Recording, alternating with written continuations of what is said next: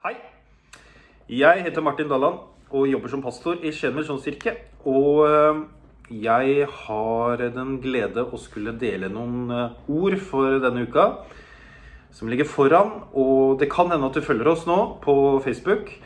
Eh, og så kan det også hende, for det er det mange av dere som gjør, og lytter til talen via podkast i etterkant. Og det er jo veldig fint å lytte på podkast. For da kan man gjøre det mens man eh, tar ut oppvaskmaskinen, støvsuger hjemme, eh, klipper plen, og det er det jo mange av oss som nå skal begynne å gjøre, og gleder oss til det, selvfølgelig. Og få en flott grønn gressplen. Eh, jeg vet ikke. Jeg ser i hvert fall fram til det. Ikke nødvendigvis klippingen, kanskje, men, men det å være ute, og at det blir varmere, og det blir vår. og og snart sommer, og det gleder jeg meg til, kjenner jeg veldig. For nå er jeg lei av at det er kaldt, eh, og at det regner og sånt. Så nå eh, gleder jeg meg til å bruke mer tid ute. Jeg hadde tenkt å dele litt om hvordan eh, 2021 har vært til nå. Fordi første halvdel av 2021, altså det vi er midt inne i nå, det skulle bli mitt halvår. Fordi de første seks ukene, da hadde jeg studieuker. Eh, for jeg hadde en plan om å bli ferdig med en 60 poengs masteroppgave i ledelse og menighetsutvikling. Noen kaller det jo på fint for praktisk teologi. eh, Før sommeren. Eller i løpet av sommeren skulle jeg det. Og I tillegg så hadde jeg trent godt gjennom høsten på Sats. eh, Og så fram til en god treningsvinter og vår, og jeg gleda meg til å kunne sprette rundt i god form i sommer. Og I tillegg så visste jeg at her i Skien misjonskirke så skulle Torbjørn Glenna slutte fordi han skulle bli pastor i Gjerpen misjonskirke fra høsten av. Og Emil Byberg og Tidmann Borge de skulle også slutte til sommeren fordi de skulle bare jobbe her et år. Det har vært planen hele tiden. Og dermed så måtte vi da sy sammen en ny stab for høsten 2021, når pandemien endelig skulle være over. Og I tillegg så hadde jeg en del andre planer for vinteren, for hvordan vinteren, og spesielt våren, skulle være. Men du vet, så kom virkeligheten. Fordi de første seks ukene av studietiden min, eller disse studieukene, de fløy av gårde. Og jeg ble jo da nesten ferdig med analysen av funnene i denne undersøkelsen jeg gjør. Og nå gjensto det jo bare et par ting. Det var da metodekapitlet. Det er relativt stort. Teoretisk tolkningsramme, altså dette kapitlet om teori, og det er jo svært. Refleksivitetskapitlet, etikkapitlet, analysekapitlet av funnene opp mot den teoretiske tolkningsrammen samt konklusjon. Og dette tenkte jeg burde jeg klare helt fint ved siden av 100% jobb. Det trodde jeg, og sånn ble det ikke. Fordi i tillegg til dette da, så ble det jo nye nedstenginger pga. pandemien, som vi tenkte nå måtte være ferdig. Og det medførte jo da bl.a. nedstengte treningssentre, og jeg trente da mer i rykk og napp. Og så ble det virkelig både rykk og napp da jeg på en fotballøkt med barna i påsken, onsdagen i påsken, hørte et sånt snap i leggen med en sånn påfølgende umiddelbar, ubeskrivelig smerte i venstre legg. Resultatet var avrevne muskelfester og muskelfibre. Ortopeden han sa at det ville ta åtte uker å bli bra igjen. Jeg trodde jo ikke på det. Ja, fordi jeg kan jo klare raskere enn det, tenkte jeg. Så etter fire uker så reiste jeg til en fysioterapeut for å få svar på hvor mye jeg kunne pushe meg nå. For nå hadde jo treningssentrene også åpna igjen. Og beskjeden derfor var Eller beskjeden da fra han fysioterapeuten, det var ikke løp, ikke hopp. Og du må gjøre disse kjedelige øvelsene her, sånn at du ikke ryker det igjen. Fordi det var så skjørt. Så nå, da, etterpå Nå er jeg på sats igjen. Men jeg trener jo som jeg skulle vært 75 år. Og det er ikke til forkleinelse for dere som er 75 år, altså, men jeg er jo tross alt 40. Åh. Og så hadde jeg i tillegg, sammen med et ansettelsesutvalg som lå under lederskapet, gjennomført intervjuer til de nye stillingene, og jeg kjente at jeg var skikkelig optimistisk. Eh, for et team som jeg nå kunne se for meg til høsten. Og igjen, da. Problemet blir at de to gjenværende i stab i tillegg til meg, med gode grunner, også nå skal slutte før og i løpet av sommeren. Og de har jo gode grunner til det, så det handler jo ikke om det. Men det handla om min opplevelse bare. Å, er det mulig? Hva gjør vi nå? Så nå står jeg her, da. Eller sitter egentlig med en masteroppgave som er langt fra ferdig. En legg som er langt unna å være bra. En pandemisituasjon i Skien og Porsgrunn og Grenland som ikke er sånn som vi ville at det skulle være. Og samt eh, så har vi også en litt sånn usikker framtidig stab, selv om det er noe som vi nå har landa og skal lande. For jeg tror jo det med staben at det vil ordne seg fint. Men det er ofte sånn at ting ikke blir helt sånn som vi hadde tenkt. Jeg er sikkert den eneste som har opplevd det. Det Bibelteksten den er i dag fra Matteus 7, kapittel 7-12. Dette er slutten av bergprekenen, fordi bergprekenen går i Matteusevangeliet fra kapittel 5 til kapittel 7. Og Jesus har sagt at 'salig er de som er fattige i ånden', har han sagt før. Fordi himmelriket er deres. Salig eller heldig er de som sørger, eller for de skal trøstes. Salig er de ydmyke, for de skal arve jorden. Og så har han sagt flere ganger på ulike våter 'Dere har hørt deg sagt, men jeg sier dere'. Det Jesus gjør i bergprekenen, er at han på en måte hever terskelen. Han setter sin standard som forbilde for oss. Ikke vår egen standard, ikke hva andre har sagt før, type standard, men hans standard for oss. Og så gjør han noe viktig. Fordi han lærer oss hvordan vi skal be, fordi disiplene spør han om det. Og de to første bønnene i den bønnen som vi kaller Vår Far, og den første er rett og slett vår far. Det er som om Jesus sier at nå trenger du ikke lenger å be til en gud som er fjern. Eller en sånn høyaktig gud, eller en sånn ovenfra og ned-gud. Som du trenger å frykte eller være litt redd for. Nei, nå kan du be til vår far. Vår pappa. Og så sier han 'vår' fordi den er ikke bare min, eller den er ikke bare din. Men det er vår felles far. Det er ikke lenger bare du alene, men det er du som er sammen med noen. Du som er i et fellesskap. Det er vår far. Det er fellesskapet. Det er vårt felles. Vår far. Vår Gud. Vår far. Og så er neste bønnen La navnet ditt helliges. La ditt navn være hellig. La ditt navns hellighet på en måte få virke i mitt liv. Fordi du er en far som er annerledes enn alle andre fedre. Du er en hellig far, som er vår, som er din, som er min.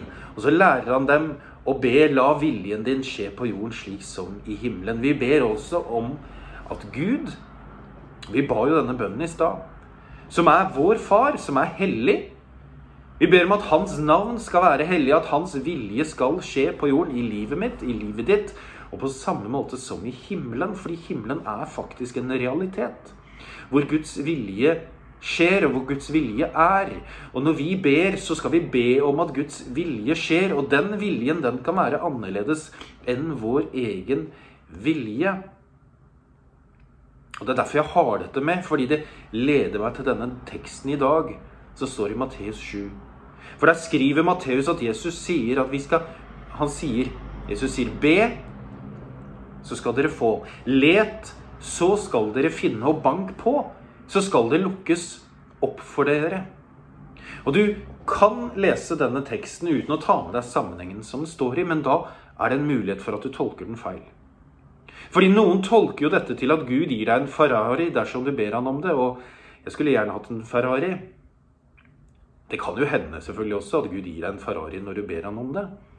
Men det er egentlig ikke det som er sammenhengen her. Fordi sammenhengen er om at Guds vilje skjer. Og når vi ber om det, så skjer Guds vilje. Da skal vi få. Når vi leter etter Guds vilje, så skal vi finne det. Og når vi banker på om at Guds vilje skal skje i våre liv og i menigheten, så skal det lukkes opp for oss. Videre sier Jesus i vers 13 at vi skal gå gjennom den trange porten. For trang er den porten, og smal er den veien som fører til livet, sier han. Og få er den som finner den. For det er jo ikke alltid sånn at den brede veien er Guds vilje. Det er ikke alltid at de lette løsningene er Guds vilje. Det kan jo være smale veier. Det kan være trangt og trange porter. Det er ikke alltid Gud gjør det like lett for oss. Og så tror jeg også at det er få som ber Gud om at vi skal gå på en veldig smal vei. De fleste av oss, meg selv inkludert, vi vil jo gå den lette veien. På en bred vei hvor vi kan svinge litt hit og dit, og hvor det er lett å manøvrere. Så har jeg lært i mitt liv at det er ikke alltid at Gud gir meg det jeg ber Han om. Fordi av og til sier han nei. Men veldig ofte så leder han meg på en annerledes vei enn det jeg egentlig har tenkt. Han svarer på bønnen vår ja. Og når jeg ber, så får jeg, men jeg får ofte et litt annerledes svar enn det jeg hadde tenkt. Jeg leser en bok for tiden som heter 'Leve vanskeligere'. En elendighetsteologi. Høres veldig eh, optimistisk ut med en elendighetsteologi. Men der skriver Åste Dokka, hun er skribent også i Vårt Land, avisen. Hun skriver om livet som ikke ble helt sånn som vi hadde tenkt. Nå skal du høre hva hun skriver. Hun skriver drømmene våre er perfekte, men livet er vanskelig. Så mye er lagt til rette for oss, men likevel må vi kjempe oss gjennom grå dager og tider med smerte og nederlag. Vi jobber på. Hva skal vi si om alt det strevet? Hvordan skal vi fortolke nederlagene våre? Alt det herkete og ubehagelige som menneskelivet innebærer. Hvordan skal vi leve? Hva kan vi tro på? Hva skal vi tenke om oss selv? Finnes det noen nåde for oss? Og så skriver hun Jeg tror kristendommen har noen svar til oss. Og De svarene handler ikke om hvordan vi kan forbedre livet og nå drømmene våre, men om å forsone oss med hvordan det nå en gang er. Ikke forskjønne, men erkjenne. Uansett hva man tror på, skriver hun, står kristendommens fortellingsunivers klar til å speile livets bristfeldighet. Fordi den selv er like kompleks og mangefasettert som det menneskelivet den snakker om og inn i. Og det er da hun bringer inn dette nye begrepet elendighetsteologi, i motsetning til herlighetsteologi, hvor alt blir bra. Så sier hun jeg tror at kristendommens styrke i møte med det komplekse og rotete er ikke løfter om gull og grønne skoger. Jeg tror heller at det er et annet blikk, en fortolkning. Kristendommen kaster et annet lys over tilværelsen, og i det lyset kan vi få øye på noe vi ikke ser så lett i mørket. Å se og erkjenne er kanskje ikke veien til lykke. Og så avslutter hun med å skrive det er mye trøst i å bli speilet også. Så en elendighetsteologi, en måte å fortolke livet vårt og troen på, som ikke handler om en urealistisk herlighetsteologi, men det er en vei til å få en sunn, sann og bærekraftig tro. Som bærer gjennom fasene i livene våre. Når ting går bra, og når ting går på tverke. Når jeg var hos fysioterapeuten forrige uke, så viste han meg hvordan leggmuskelen nå henger sammen. Og den henger sammen sånn. Ser du det? Det er på en måte to fingre. Hvis det er dere som hører dette på podkast, så så istedenfor at alle fingrene henger sammen, eller begge hendene sammen, og vanskelig å forklare det bildet, så er det to fingre.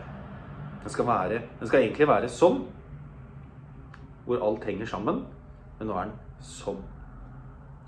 Og den eneste muligheten for at muskelen blir sånn igjen, at det henger sammen og er solid, det er ved å trene disse kjedelige øvelsene som jeg har fått, over tid. Og så må jeg hvile 48 timer. Altså, jeg skal ikke trene denne foten eller leggen eh, hyppigere enn hver 48. time. skal minst være så mye hvile. Og hvis jeg gjør, hvis jeg gjør det oftere, så risikerer jeg at det ryker her igjen. Da blir det overbelasta. Da blir jeg ikke veldig fornøyd, for det er liksom tilbake til scratch. Men det er kun ved å gjøre de samme øvelsene over tid så muskelen blir hel igjen, og så den blir sterk igjen.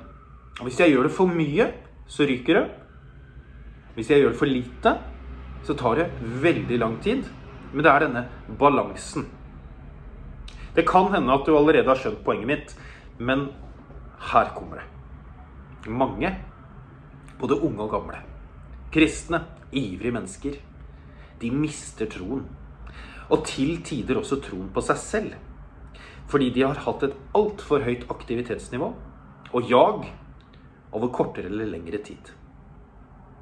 Jeg har jo til og med snakka med noen som blir fysisk kvalm bare ved å gå inn i et kirkebygg.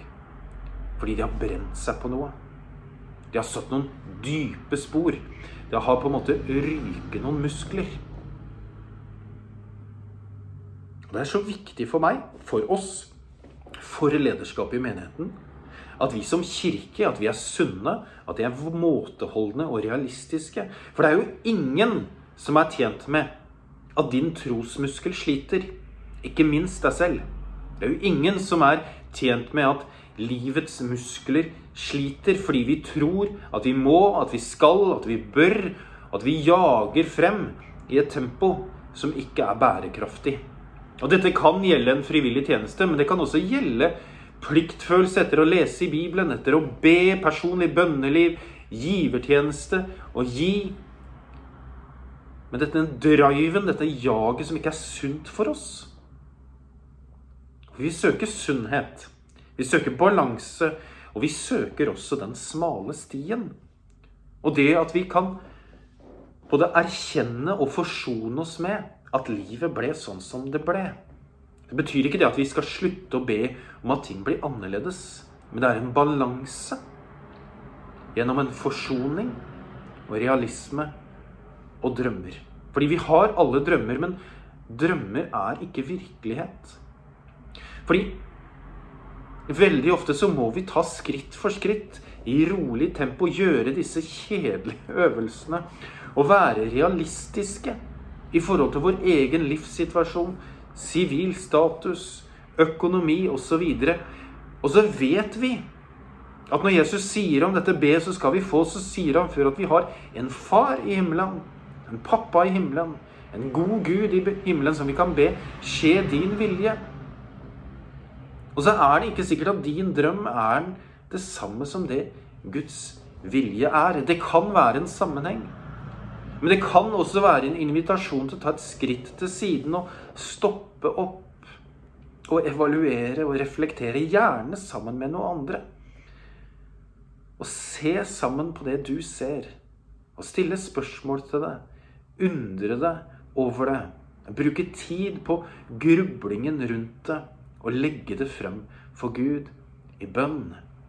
Og be om at han viser deg det som er hans vilje sunnhet og balanse. Av og til kjedelige øvelser over tid. Og ikke rushe. Det er det første punktet. Og det andre punktet Jeg er veldig fornøyd med den setningen som kommer nå, for der har jeg skrevet, og jeg sier til deg, kjære venn, det er de små stingene som gir et stort og solid teppe. Jeg sier igjen. Det er nesten sterkt. Det er de små stingene som gir et stort og solid teppe. Vet du at Jesus sier jo i bergprekenen også at vi skal bygge huset vårt på fjell. Og det å bygge et hus, det tar tid. Jeg har ikke bygd et hus. Ehm, men jeg har bygd en del andre ting, faktisk. Tro det eller ei. Annet en utestue. Og det er ikke gjort på fem minutter. Det tar tid. Og så er det noen ting som går raskt. Men det er ganske mange ting også som tar tid. Og det tar ofte lengre tid enn det man tror. Og det å bygge en grunnmur eller en muskel, som i mitt tilfelle, som tåler stor belastning, det tar tid. Det er små repetisjoner, det er små løft, det er gradvis økt belastning som gjør muskelen sterkere. Sånn er det med kroppen, sånn er det med troen, og sånn er det i livet. Det er mange i vår kirke og, og rundt oss, faktisk, eh, som har fått øynene opp for en bok som heter 'Kunsten å forme livet'. Plastisk teologi av en som heter Stian Kilde Aarebrot. Og vi leser den i pastorfellesskapet i Misjonskirke Norge i Telemark og Vestfold for tiden. Og så snakker vi om den, og den handler om trosvaner og hjernens utvikling og påvirkning. Sammenheng mellom det vi gjør, og sammenhengen med hjernen vår. Og der handler det om at det lille vi gjør over tid, er viktigere enn de store happeningene en gang i året, selv om det er gøy og moro og viktig også. Men at de, det lille vi gjør over tid, at det bygger vaner, det bygger spor, det bygger veier i hjernen vår. Etter hvert motorveier som gjør at det som før tok tid, går kjappere og kjappere, og så blir det automatisert. Det bygger tro, det bygger karakter over tid. Å gjøre de små, viktige tingene, av og til kjedelige øvelsene, over tid er viktig. Så tenker jeg Er det ikke alle disse små tingene som til sammen gjør livet, da? Det handler om tro. Det handler om vennskap, relasjoner, om familie, vår egen personlige utvikling. Det handler om studier, helse, kropp. Alt sammen å gjøre disse små tingene. Det at vi kan ha et realistisk og bevisst og sånn passe jordnært refleksjon rundt livene våre og hva det handler om. Hva vi kan få til. At vi lever et liv i balanse. Hvor vi gjør disse små tingene sånn at vi unngår å ryke av muskler. At vi unngår å bli brent og utbrent og møte vegger. Og sånn at vi unngår å ta valg i affekt eller i krise, eller når ting liksom virkelig står på, så venter vi med å ta de viktige valgene. For de valg vi tar i affekt, eller når det koker, det blir veldig sjelden gode valg. Til slutt så tror jeg også at Gud, han bruker våre erfaringer. Han bruker de på godt og på vondt, de erfaringene vi har på godt og vondt, til å la oss se mer av Han. Og knytte oss nærmere Han og at fars relasjon blir sterkere. Han bruker erfaringene våre og knytter oss nærmere med hans skritt for. Og midt oppi alt dette som jeg har sagt, om denne bibelteksten og sammenheng og, og sånt, så tar jeg den likevel ut som en selvstendig tekst. Og så tviholder jeg på den. Og så løfter jeg den opp. Og så holder jeg i den. Fordi han, Jesus sier jo virkelig Be, så skal dere få. Let, så skal dere finne. Bank på, så skal det lukkes opp for dere. Fordi den som ber, han får. Og den som leter, han finner. Og den som banker på, skal det lukkes opp for. Fordi hvem av dere vil gi sønnen sin en stein når han ber om brød? Eller gi en orm når han ber om en fisk? Når selv dere som er onde, sier Jesus, vet å gi barna deres gode gaver, hvor mye mer skal ikke da deres far i himmelen gi gode gaver til dem som ber ham? Jeg vil oppfordre deg og oppmuntre deg til å fortsette, eller å begynne med, å be om gode gaver fra Gud i himmelen. Fordi han vil så inderlig gjerne gi deg dem. Men vi må be. Vi må lete. Vi må banke på, og av og til så banker vi så hardt på i fortvilelse at vi føler nesten at vi slår gjennom en vegg. Fordi vi ønsker så inderlig eh, å komme til Gud og få svar på vår fortvilelse og på de tingene som rører seg i oss, og som vi lurer på. Men vi har en felles far. Det er vår far. Han er vår. Han er alles far. Han er himmelens og jordens skaper. Han er allmektig Gud. Klart at du og jeg skal be til Han om alle ting. Om du ber om en Ferrari, eller om du ber om at morgendagen skal bli god, eller om du ber om at disse inkassoregningene skal eh, løse seg og bli betalt, at du skal få orden på økonomien igjen. Eller at du skal få orden på ekteskapet ditt, eller at du skal få tilgivelse for det som det dumme du gjorde, eller at du skal bli leda til å ta noen nye valg, eller at Gud skal lede deg ut på nye områder, nye tjenestesteder, nye steder å jobbe, kanskje. Du kan be Gud om alt. Fordi han er vår far. Han er hellig, allmektig. og jorden skaper. Skal vi be sammen? Far i himmelen. Takk for at vi kan be deg om alle ting. Og takk for at du står foran oss, sitter ved vår side, er her akkurat nå. Og så vet du hvordan vi har det. Du vet hva vi tenker på, hva vi bryr oss om, hva vi er opptatt av. Jesus, vi trenger oss på deg. Og så ber vi om at du skal møte oss.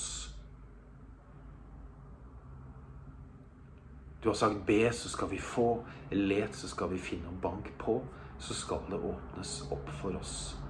Og jeg tror at det sitter noen og banker veldig hardt på døren din. Og trenger at du åpner opp. Og at du kommer med svar. Så det ber vi om. Og så ber vi om, Herre, om at du skal vise oss din vilje for våre liv. At vi skal ta kloke valg sammen med deg. At vi kan få se på drømmene våre i lys av det du vil. Og så ber vi om at din vilje skjer, Herre, i våre liv og i menigheten. Det ber vi om i Jesu navn. Amen. Takk for at du fulgte med. Jeg har lyst til å lyse velsignelsen over deg før vi hører den siste sangen. Så ta imot Herrens velsignelse. Herren velsigne deg og bevare deg. Må Herren la sitt ansikt lyse over deg og være deg nådig. Må Herren løfte sitt ansikt mot deg og gi deg fred. I Faderens, Sønnens og Den hellige ånds navn. Amen. Takk for i dag, og velkommen tilbake neste uke.